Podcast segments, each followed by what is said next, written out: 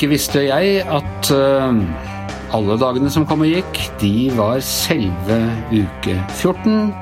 Påsken er over, og hverdagen har grepet oss for lengst, Thomas. Vi er tilbake på hjemmekontoret, Anders. Ingenting er forandret. Været er omtrent det samme. Vi skal sikkert diskutere litt covid og sånne ting. Og alt går om igjen og om igjen, og som vanlig er ifølge regjeringen snart Ja. gjenåpning. Eh, De har funnet en ny måte da, å kjøre inn på. At de, de har presentert trinnene, så nå vet vi rekkefølgen på gjenåpningen, selv om vi ikke helt vet når den kommer. Men eh, det, Vi vet ikke når det er, men vi vet trinnene. Men de kan selvfølgelig også bli endret. Selvfølgelig. Men det er, det er litt som dommedag i, i Johannes' åpenbaring. Der vet vi også sånn trinnene. Først er det slaget var Armageddon, og så er det opprykkelsen, og så er det lammets bryllup. Så, ikke sant? Eh, Nå tror jeg kanskje ikke jeg sa det i riktig rekkefølge, men, men akkurat når det kommer, det har de ikke helt klart å Nei, akkurat når det skal bli, det vet vi ikke. Eh, og vi vet ikke helt hvor lenge den vaksinen varer, og vi vet ikke helt hvor mange mutanter det kommer, så det Men er jo for så vidt ikke så rart. altså, vi, både du og jeg har jo store dager i løpet av denne sommeren, Thomas. Vi, vi runder år. Vi runder år. Anders, jeg blir altså 50 år til sommeren. Du blir 50 år til sommeren, og det er jo en stor, eh, stor eh, begivenhet. Har du, har du lagt noen planer, eller? Nei, jeg har jo ikke det. Nei. Det kan man jo ikke. Jeg som har litt senere på sommeren og er noe eldre, jeg har jo et håp om at uh, mine nærmeste venner vil være vaksinert innen da. sant? Det er helt riktig, og at, eh, at det da ikke har kommet en eh, mutasjon som da passerer forbi den vaksinen. Så, så flaks skal man ha, Anders. Så det kan være et lite vindu der. Men Thomas, 50 år det er en tid for refleksjon og tilbakeblikk. Ja. Og jeg tenker mye, det må jeg si, på alder og tall, og verre blir jeg jo eldre jeg blir. Og det tenker på nå, altså hvis, hvis, Har du tenkt på hvor du hadde vært hvis du hadde vokst opp andre veien? Du er født i 71, ikke sant? men hvis du hadde vokst opp bakover istedenfor forover i historien? Hva mener du? At, at, at jeg ble født i 1971? Ja, og så istedenfor så ble du ett år i 1972, og så to år i 73 og så videre sånn. Jeg skjønner. Eh, og, og levde opp da gjennom 70-tallet, 80-tallet og 90-tallet og sånn. Men tenk om du hadde liksom vokst andre veien. Så, eh, satt du liksom du, du, du gikk mot 1970 og 69, så var du to år og så videre sånn.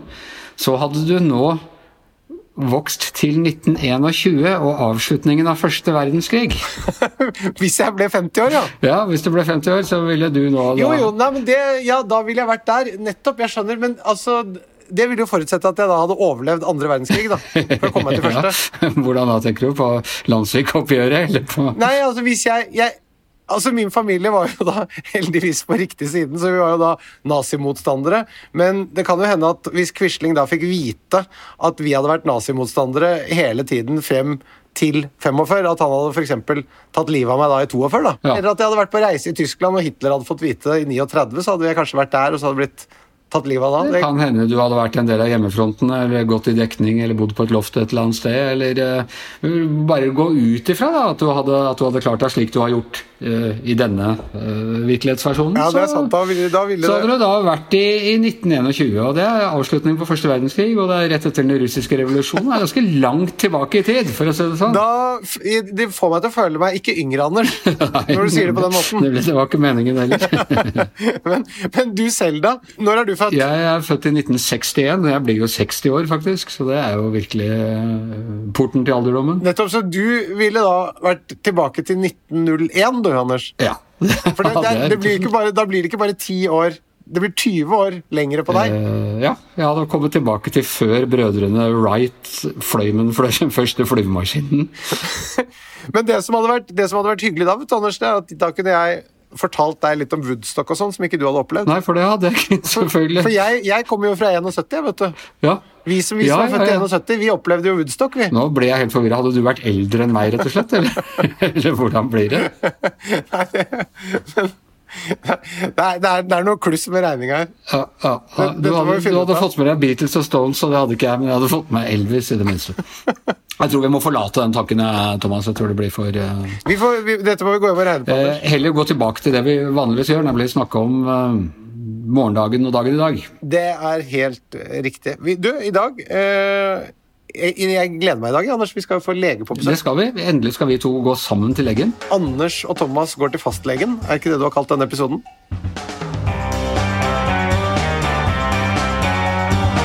velkommen til eh, Wasim Saeed, lege og folkeopplyser. Spesialist i indremedisin og kardiologi. Har jobbet mye med covid siste året, skrevet flere bøker. Og ble først kjent som Twitter-legen fordi du markerte deg selv som aktiv om helsespørsmål på Twitter. Takk skal du ha, hyggelig å være her. Har det litt blitt hengende der med Twitter-legen? Liksom Twitter var jo veldig sånn jeg husker Det var sånn vi to begynte å, å kommunisere i sin tid. Fordi ja. du var aktiv på Twitter, og nå, nå er jo det 10-12 år siden. Så er det fortsatt en uh, Skulle du ønske at du heller var TikTok-legen? jeg er på TikTok også, faktisk. ja, nemlig. Uh, nei, altså Fortsatt så er det noen ganger hvis jeg er på et TV-program eller radioprogram eller skal holde et foredrag, så introduserer de meg som Twitter-legen. Og ja, jeg har ikke noe mot det, men jeg, jeg føler at jeg er mer enn det også, da. Så, men det gjør ingenting. Jeg er også på Twitter, men jeg har liksom ikke vært der så mye sist. Det føles litt som at når jeg går inn på gamlepuben, og der sitter den gamlegjengen og krangler borti hjørnet ennå. ja, det er, det er den følelsen der også. Jeg er ikke så mye på Twitter nå, jeg heller. Altså, jeg i hvert fall ikke med på diskusjoner på Twitter, fordi det synes jeg er ganske håpløst. fordi de som er der, de vil jo aldri gi seg i de diskusjonene.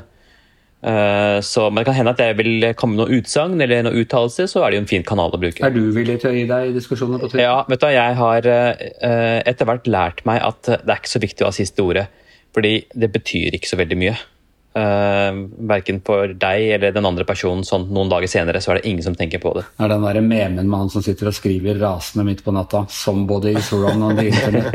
den der følelsen der, at alle vil ha det siste ordet, er ikke det en av de store driverne på sosiale medier? Jo, jeg tror det er det som gjør at det er så populært. Og så er det så lett, sant, det er så lett å fortsette å diskutere på Facebook og Twitter og sånt, fordi det er liksom det er noe helt annet å sitte for eksempel, når jeg sitter foran dere og, og, og snakke med dere, så liksom, Da har man kroppsspråk og man har blikk og litt sånt. og så Etter hvert så skjønner man ok, nå er det på tide å gi seg, dette her går ikke noen vei. Men når man sitter på, ser ikke på en måte reaksjonen til de andre menneskene, så er det så lett å bare fortsette og fortsette og aldri gi seg. Det er litt som å gi fingeren i trafikken.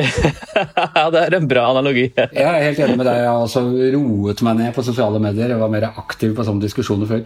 Og da er det, liksom det mest patetiske er jo de som stadig sier at nei, vet du hva, dette gidder jeg ikke nå, god natt, liksom. Og så fortsetter de å komme tilbake etter at de egentlig har slamra med døra. Ja, ja. Som om de liksom åpner døra for å si én ting til. ja, jeg, er sikkert skyldig i det, jeg også, en gang iblant. Altså, jeg skal ikke si det. Jeg, jeg har definitivt vært skyldig i det, så det er eh, Jeg prøver ikke å kaste den første steinen her. Eh, men Vasil, du, har, eh, du er altså lege, du jobber på sykehus.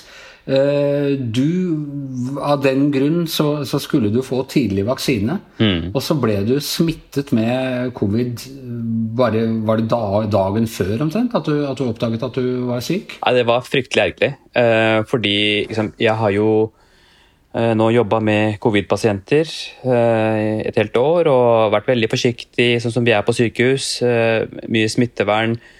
Eh, og også veldig forsiktig på privaten. Ikke hatt noe eh, familiebesøk, ikke vært og sett de gamle foreldrene mine på lang lang tid. og I det hele tatt da, gjorde jeg alt jeg kunne.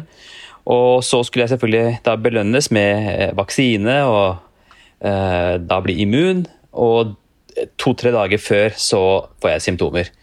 Og det var så utrolig ergerlig. Det føltes som å snuble på oppløpssida i et langt maratonløp. Uh, og det begynte vel med at jeg, jeg kjente litt sånn at det var et eller annet i halsen og, og litt sånn kiling i nesen. Uh, og vanligvis så hadde ikke jeg brydd meg noe særlig om det. Uh, men i og med at det er jo så stort fokus på disse tingene her, og, og lav terskel for å teste seg, så tok jeg en test på jobben, da. Og, og den ble positiv. Og, og, da var det dessverre sånn at akkurat på det tidspunktet så var det et lite utbrudd blant helsearbeiderne på Drammen sykehus hvor jeg jobber. Så det var flere leger og sykepleiere som var smittet samtidig som meg. Så det var der jeg fikk det, da. Uh, og det var det var utrolig leit, egentlig, fordi jeg i likhet med mange andre hadde jo planer, ting som skulle gjøres og, og mye som må avlyses. Og så, det som jeg merket meg spesielt, var liksom man får så dårlig samvittighet fordi man må liksom opplyse om nærkontakter, og du vet at nå er det andre som pga. deg havner i karantene. Det er klart det er jo ikke din feil, men du føler likevel skyldfølelse. Dette er andre mennesker som hadde sine liv og sine planer, og så går du og påvirker det til de grader og har dem sittende hjemme i ti dager. Eh, så den skyldfølelsen der det var også, også, ganske ubehagelig.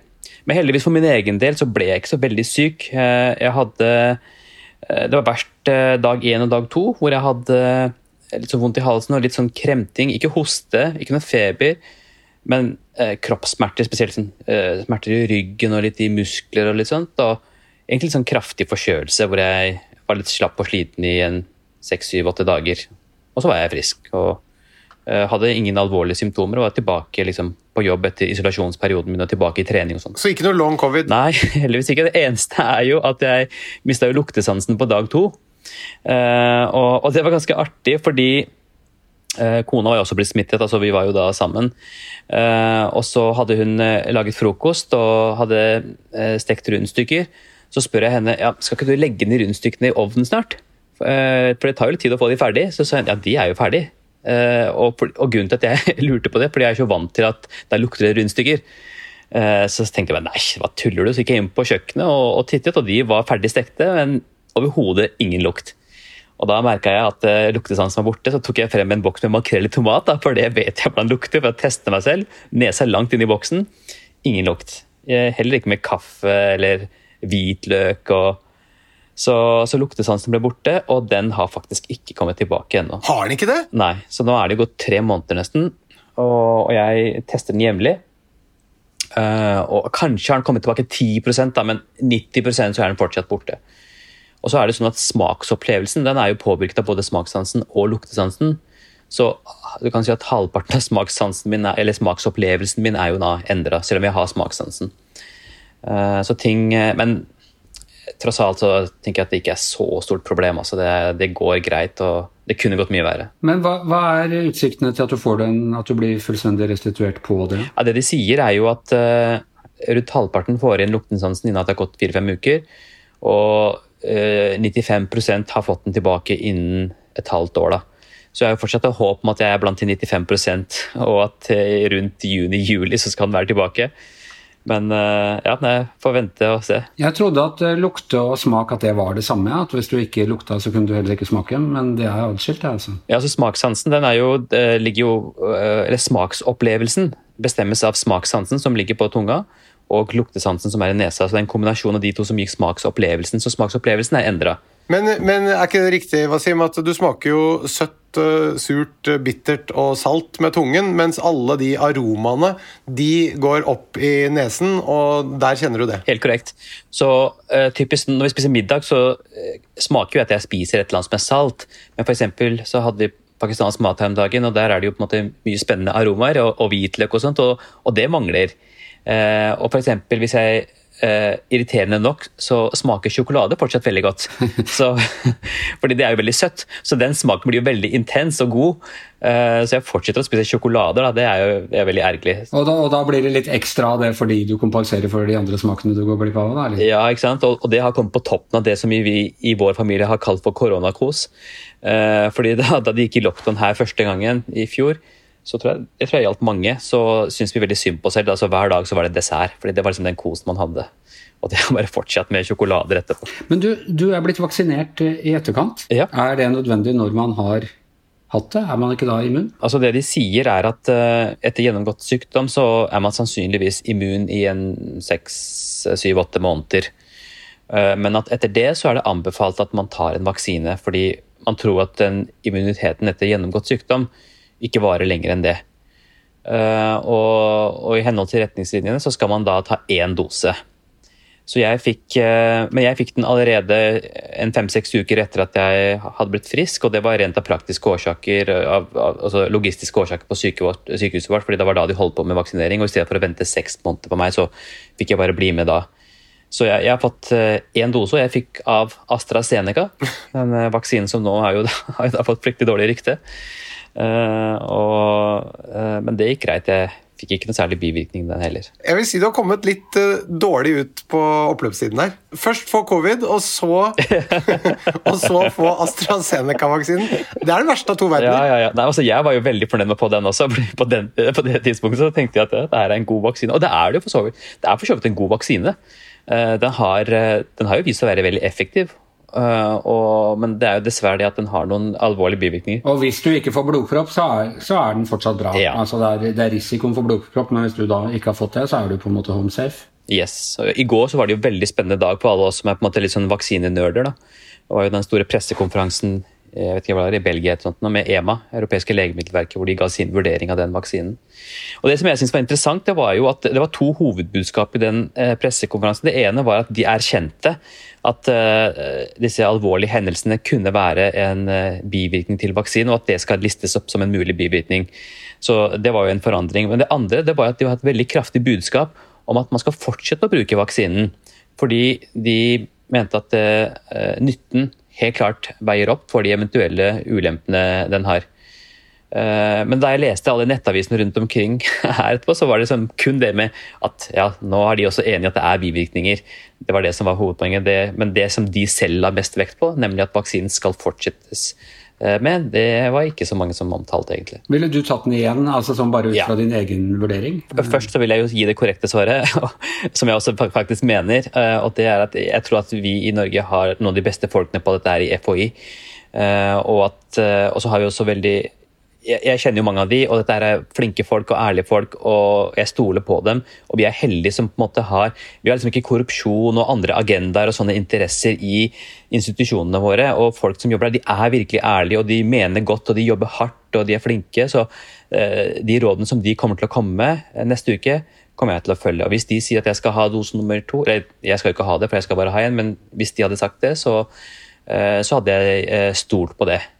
Og jeg tenker at også det at de har vært så forsiktige, at de tross alt bare har stoppet opp med vaksineringen helt, viser jo at de på en måte er veldig oppriktige og ærlige om dette. Så jeg, jeg stoler på dem. Uh, så jeg, uh, hvis jeg hadde vært i en sånn situasjon hvor uh, jeg hadde trengt to doser, så hadde nok jeg personlig ikke hatt noe problem med å ta den eh, andre.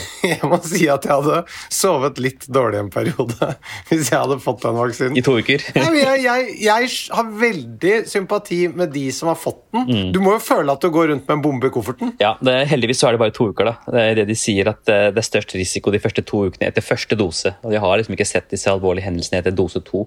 Så hvis du har klart det gjennom første dose, så går det stort sett greit etterpå. Thomas, det interesserer meg. Hva, hva ville du gjort? Altså, Du er en av de jeg kjenner kjenner som er mest klar for å få tatt den vaksinen? Hvis du nå hadde fått tilbud om AstraZeneca, ville du tatt den? Nei. Du ville ikke det? Nei. Men uh, jeg skal jo avvente, selvfølgelig. Men uh, Akkurat nå så, så, følger jeg statens, uh, statens uh, føringer, nemlig at den er satt på pause. Så den vil jeg ikke tatt nå. Ja, ok, ja, men det, det, gjør jeg også, men, men det er klart liksom, hvis de nå hadde sagt at vi, vi, tester litt til, da tror jeg jeg ville tatt den. Men når du tenker på hvilke privilegier det hvis de sier at snart kan gi deg vi skal, vi skal teste litt til, så sier jeg ikke ja, nei. jeg syns jo dette her er ekstremt spennende nå. Da. Så igjen eh, så er jo jeg liksom vaksinenerd. så jeg, jeg, venter jo i så stor spenning på hva de kommer til å si. og Jeg har spekulert litt for meg selv hva som kan bli utfallet til FHI. Eh, jeg vet ikke om dere syns det er like spennende å spekulere i, men eh, det kan jo det er litt forskjellige scenarioer. De kan legge seg på samme linje som EMA og si at uh, ja, det er en, noen alvorlige bivirkninger, men vi skal fortsette som før, og alle som skulle ha den vaksinen, skal fortsette å få den. Det er en mulighet. Det tror jeg ikke de kommer til å si. Eh, de to andre som er mer sannsynlige, det er at de kan si at eh, nei, siste dose av den er satt i Norge, vi skal ikke bruke den igjen fordi vi vil ha minst mulig risiko. Vi tar den helt ut. Eller at de sier at uh, vi skal ta den i bruk, men kun til de over 65 eller de over 70, fordi de får ikke alvorlige bivirkninger. At vi bruker den i begrenset grad. Så det er veldig spennende å, å, på en måte se hva de kommer frem til. Grunnen til at jeg ikke tror de tar den første løsningen, at de bare fortsetter, det er som Thomas også viser, at det er litt skepsis mot den vaksinen i befolkningen. Det er litt motstand allerede. Og hvis de på en måte bare eh, presser på da, og ruller den ut, overkjører, for å bruke det uttrykket, så tror jeg nok mange vil føle at de blir påtvunget i en vaksine, og det vil være ødeleggende for den tilliten. Eh, og, og de er jo helt avhengig av at folk har tillit til vaksinasjonsprogrammet ved covid-19. Så jeg tror at de kommer til å ta den ut, eh, eller bruke den lite. Eh, både for å beskytte folk mot bivirkninger, men kanskje også for å beskytte vaksinasjonsprogrammet mot covid-19 og tilliten til vaksineringen. Men hva om noen av oss fikk det tilbudet? Altså Vi gjør det frivillig, vi som er litt oppi åra. Ikke helt oppi den, helt oppi den men det hadde jeg glatt gjort. Du kan få den i morgen hvis du er villig til å ta ja. en av de AstraZeneca. Da hadde jeg meldt meg i morgen, uten tvil. Men Det har Camilla Stoltenberg allerede sagt at det kommer ikke til å skje. Eh, hvis Nei. de bestemmer seg for å ta den ut, så kommer ikke det heller til å få være frivillig. Du kunne, Anders, du kunne, du kunne fått den, og så kan du melde deg for E-tjenesten og jobbe for dem i utlandet. ikke sant? Ja, men jeg mener det er litt sånn hvis, hvis, dette er krigen, så hadde jeg vært villig til å være i hjemmefronten, da.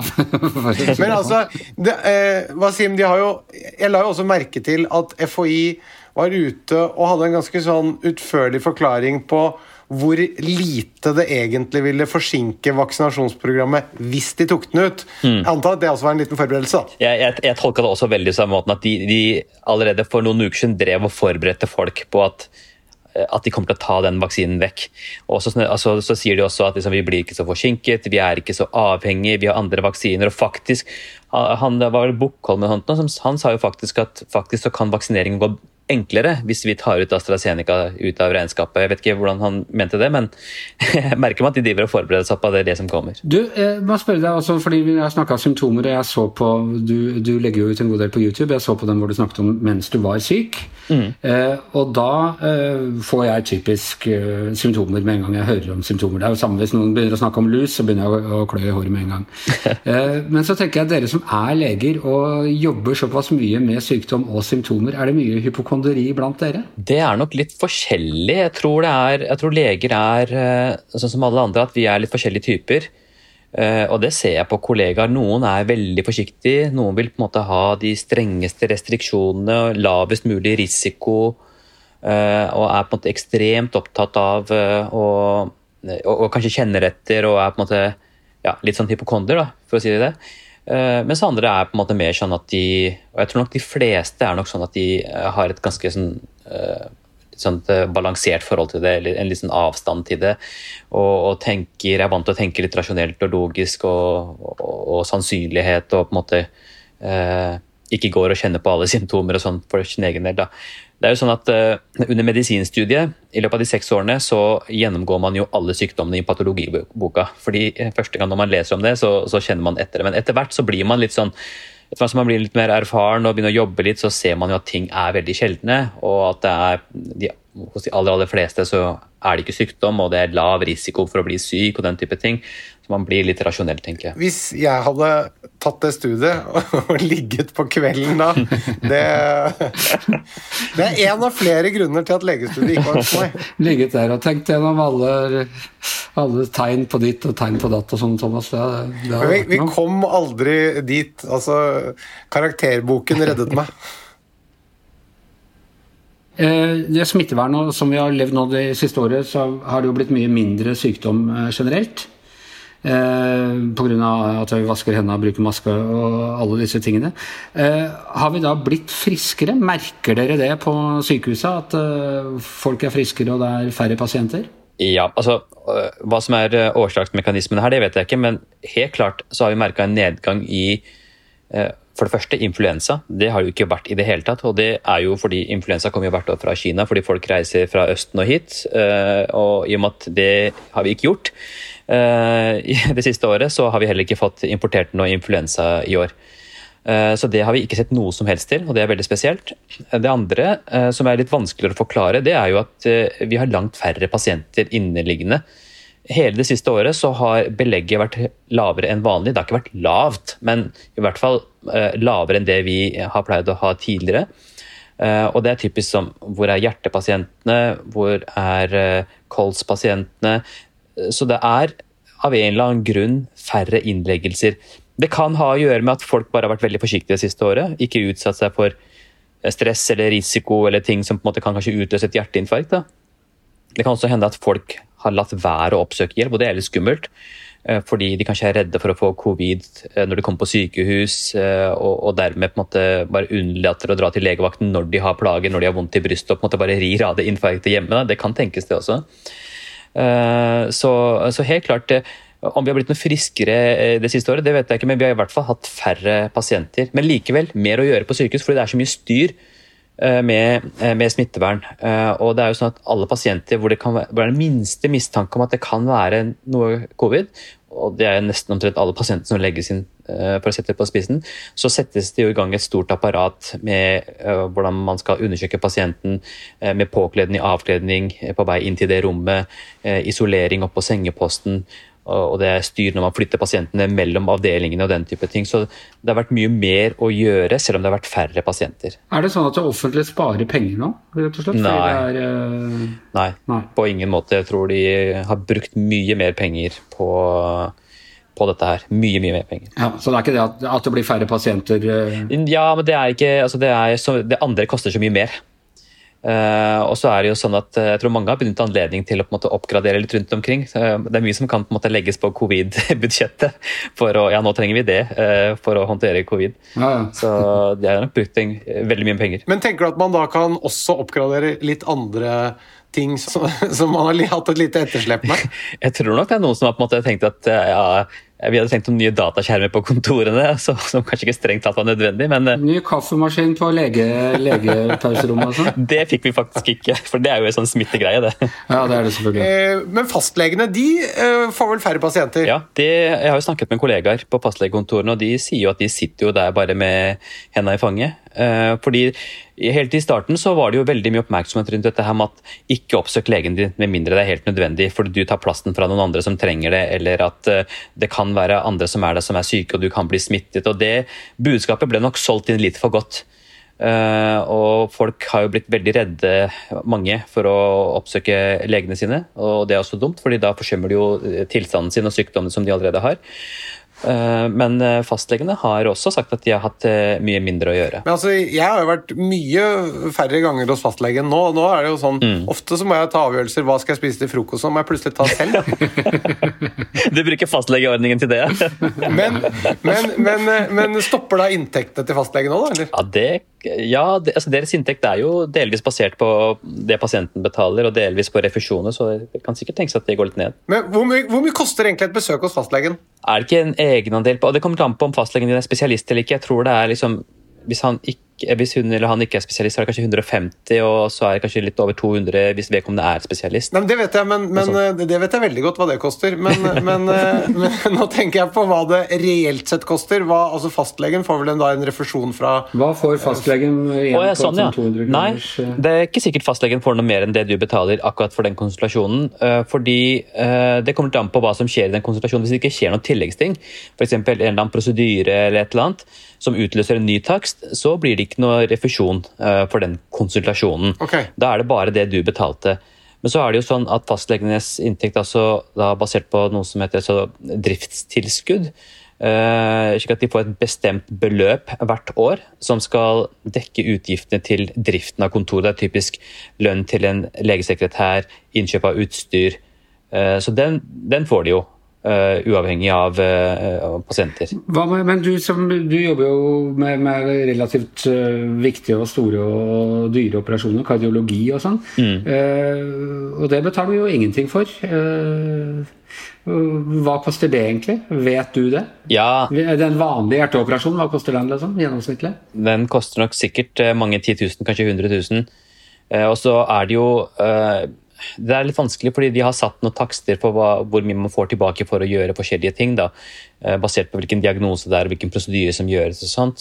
Uh, uh, og så er det jo sånn det greia, den politiske greia altså om finansiering av sykehusene skal være innsatsfinansiert eller rammefinansiert. Og, og, vi har jo en sånn balanse, eh, og det er alltid den prosenten som man krangler om det skal være 60-40 eller 50-50. Så eh, en viss ramme får sykehusene, og så, og så, får de noe igjen avhengig av hvilken innsats som gjøres.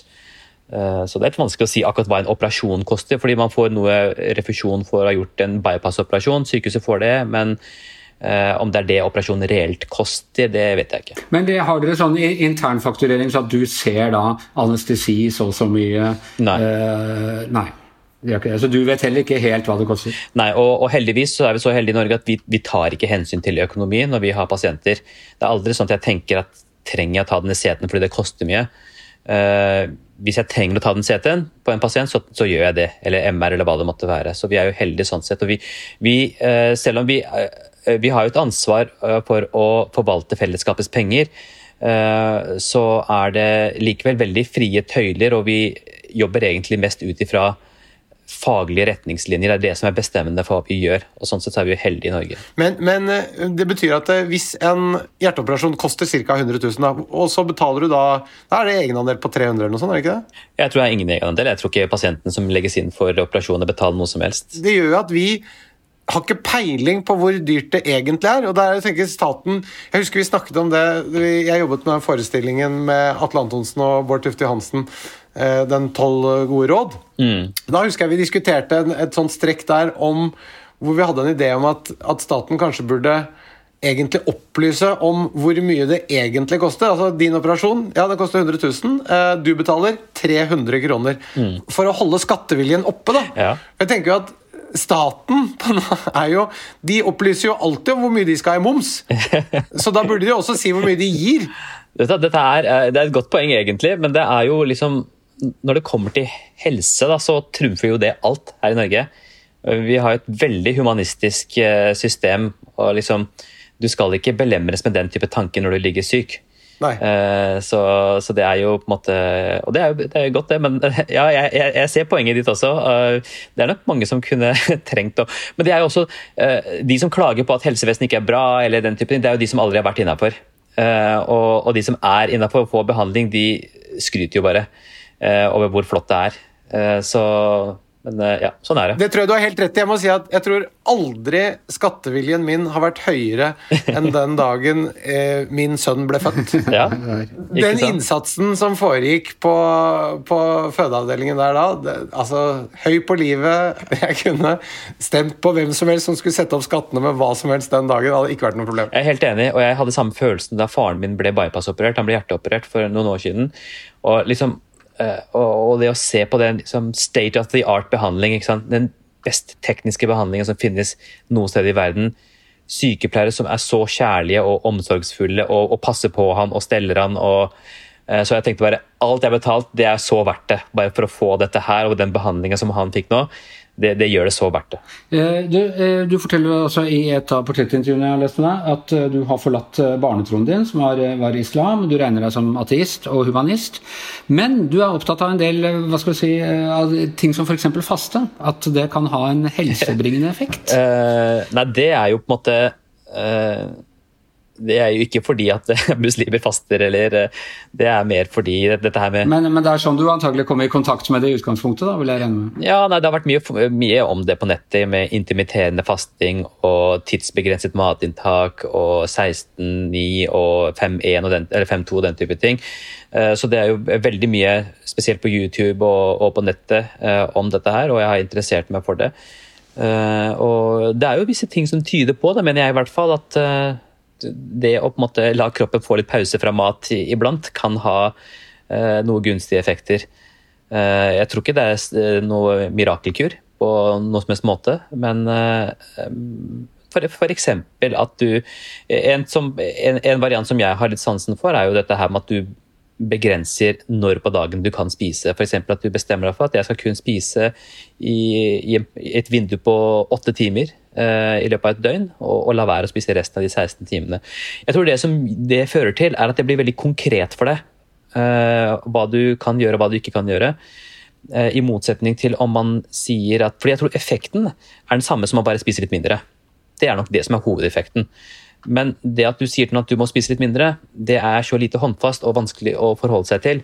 Mens hvis du får beskjed om at på torsdag og på mandag så skal du spise kun frokost, så er det på en måte veldig lett å følge.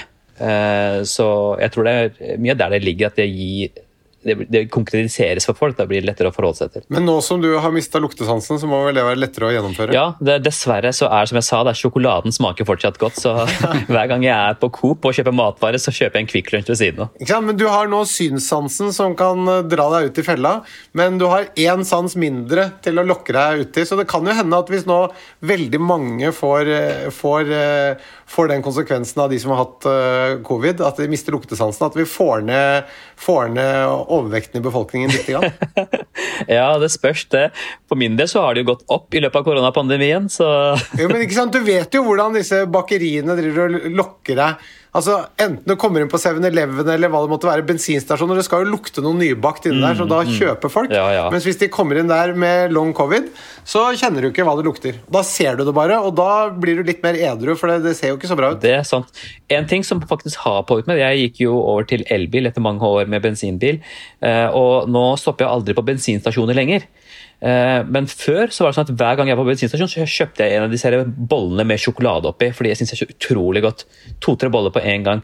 Og Det har jeg slutta med etter at jeg gikk over til elbil. Så det har hatt en gunstig effekt på helsa mi. Det er en del av det grønne, grønne skiftet vi ikke hører så mye Ja. om. egentlig. Ja, men Det er et veldig, det er et veldig bra uh, poeng, da. Og det, men det er klart at uh, hvor skal altså Vi er jo opptatt av også å holde uh, hva skal vi si for noe, fart i økonomien her. Og det derre fallende bollesalget som kommer som eh, følge av den elbilomleggingen, Anders, det, det, må vi, det må vi tenke litt på, sånn samfunnsøkonomisk. Ja, hva, hva som, om det da må trekkes fra hvis man har kjøpt seg elbil, som jo flere av gjestene våre faktisk har gjort. eh, Men hva skal erstatte den pengestrømmen som går til de bollene og de sjokoladebollene som du snakker om her, Wasim? Det, det må vi finne ut av. Ja, for eh, som sagt, eh, Wasim, vi, vi spør alle gjestene våre om de har putta noe penger inn i økonomien siste tiden ved å kjøpe noe annet enn sånn helt dagligvarer. Har, Ja, har du bidratt? ja eh, jeg er så heldig som har en familie som tar det samfunnsansvaret veldig seriøst. Så de sørger for at økonomien er eh, rullerende her i huset. Det er alltid noe som skal kjøpes, og alltid et, eller annet- en eller annen som skal vippses for et eller annet eh, han eller hun har kjøpt. Ehm, jo da, men det er jo mange ting. Men det jeg kan si, er at uh, snart så har jeg eh, bryllupsdag. eh, og jeg og kona har vært gift i 20 år. Eh, og det skal, markerte jeg ved å kjøpe en litt eksklusiv veske til henne som hun hadde ønsket seg i lang tid. da. Okay. Så det var jo et hyggelig og romantisk bidrag til verdensøkonomien. Nå var det riktignok uh, en litt sånn fin veskebutikk som hadde stor nytte av det, da, men ja, det var sikkert noen som er ansatt der og De, de bruker penga sine Ja, ja, videre. det er ringvirkninger. ikke på sjokoladeboller hvis de har elbil, men, men eh, andre ting, da. Hvem vet? Du da, Thomas, hva har du kjøpt? Du, altså, jeg har kjøpt meg en ny iPad fordi den hadde knust glasset, og så tenkte jeg jeg skal bare reparere den skjermen. Men det var så mye styr, og det var ikke mulig å få reparert, så jeg måtte da returnere inn den gamle iPaden. Det lar seg da etter sigende ikke reparere og bytte det glasset, så da må du heller Da får du en eller annen sånn pant på den gamle, og så må du kjøpe en ny en. Ok. Men Thomas, du har vel Apple Watch med EKG og sånn, har du ikke det? Du, jeg har eh, Apple Watch, men jeg syns den er helt jævlig. Å? Ja. Jeg, jeg, jeg liker ikke å bli mast på, fordi det er akkurat som at du, jeg får tekstmeldinger og Twitter-beskjeder, og ikke minst de jævla push-varslene fra VG som kommer opp absolutt hele tiden. Man, nå må du Akkurat som at noen drar Finns meg Fins innstillinger for det. ja, men at noen da drar meg sånn i armen Hei, du, har du hørt at nå er det to smitta i Follo? Ja vel, det er greit, men jeg holder på med det. Konsentrerer meg, prøver å lese. Så, så den, eh, og det å ha det på armen, det synes jeg er helt forferdelig, så det holder at jeg har det på telefonen. Så jeg bruker den bare som treningsklokke. Og det er den sånn passe bra til, fordi den sitter ikke noe godt på håndleddet. Sånn at da stopper den opp hele tiden. Så jeg er mellomfornøyd, for å si det litt forsiktig. Ja.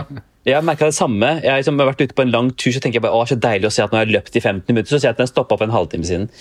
uh, men den har jo den EKG-funksjonen. da, Den er bra. Ja, er den det, ja? Ja, den er faktisk veldig bra. Altså, jeg har jo sett eh, at pasienter har klart å fange opp hjerterytmeforstyrrelser som de ikke har klart å fange opp fordi de ikke har vært til stede akkurat da de har vært hos legen. Men så har de klart å fange det opp fordi de har vært hjemme og kommet og vist det til oss, og så har de fått diagnosen og fått behandling. Så det Men, jeg skal, men du, dette var et bra tips, Wasim, ja. dette med den eh, EKG-rytmen. Jeg skal selvfølgelig finne ut om jeg har noe hjertefeil. Så, Nei, nå føler jeg at dette ble litt feil. Jeg må bare få si det, Man skal ikke ta EKG med mindre det er god grunn til det. Sånn. men det som kommer til å skje nå, er at fastlegen min, hvis han har hørt dette, her, så sier han at det der for å dra til Drammen med, det orker ikke jeg holde på med. Anders, hva har du kjøpt, da? Ja, du, jeg har kjøpt en liten pynteting, rett og slett. Uh, alt er jo stengt, og det er, alt er jo bare klikk og hent og sånn. Og så har jeg gått forbi på Grünerløkka en sånn søt liten butikk som selger ting og tang. Eh, og så ville jeg egentlig, Der hadde vi sånne småfugler spikka i tre i vinduet, og jeg ville egentlig kjøpe en spurv, fordi jeg hadde satt meg litt inn i spurven i forbindelse med at det var spurvens dag her for et par uker siden. Eh, men de var utsolgt, utsolgt på spurv, så jeg kjøpte denne lille Linerla som jeg viser dere her nå på, på Google Meet. Ser dere den? ja se her, ja. Ja, ser ganske levende og fin ut. ja. Så jeg kjøpte den, klikk og hent, måtte komme og hente noen dager, kunne bare hentes mellom 12 og 1, og det var litt sånne ting. Og nå har jeg fått den, så vet jeg ikke helt hva jeg skal gjøre med den. Det, det, den, den, er ikke, den er nok ikke til noe mer enn bare, at den bare skal stå der. Nei. Så jeg er litt usikker på om det egentlig var noe godt kjøp, men eh, Den var jo veldig fin, Anders, for all del, men jeg føler at det der er et sånt uttrykk for to tidsaldere som møter hverandre. At du kan ta klikk og hent på en sånn gjenstand. ja, det er litt det. Fordi den gjenstanden der ser ut som den eh, Hva skal vi si for noe? Den, eh, den hadde en mer naturlig plass i en eh, annen tid, som var bakover. Ja, Så kan du bygge ut med et plastfuglenek da, som du kan ha. Så kan du egentlig flytte og lage en sånn slags kopi av hvordan det ser ut utenfor huset ditt, Ja, inni huset ditt, Men uten alle fjærene og alt uh, spetakkelet. og insekter og hva, hva det måtte være. Tusen takk skal du ha. Giæver og Gjertsen er over for denne gangen i hvert sitt hjemmestudio. Thomas Gjertsen, eh, Wasim Sahid, jeg heter Anders Giæver, og vår vanligvis eh, faste doktor som tar seg av alle våre henvendelser når vi blir engstelige for helsa vår, er vår produsent Magne Antonsen.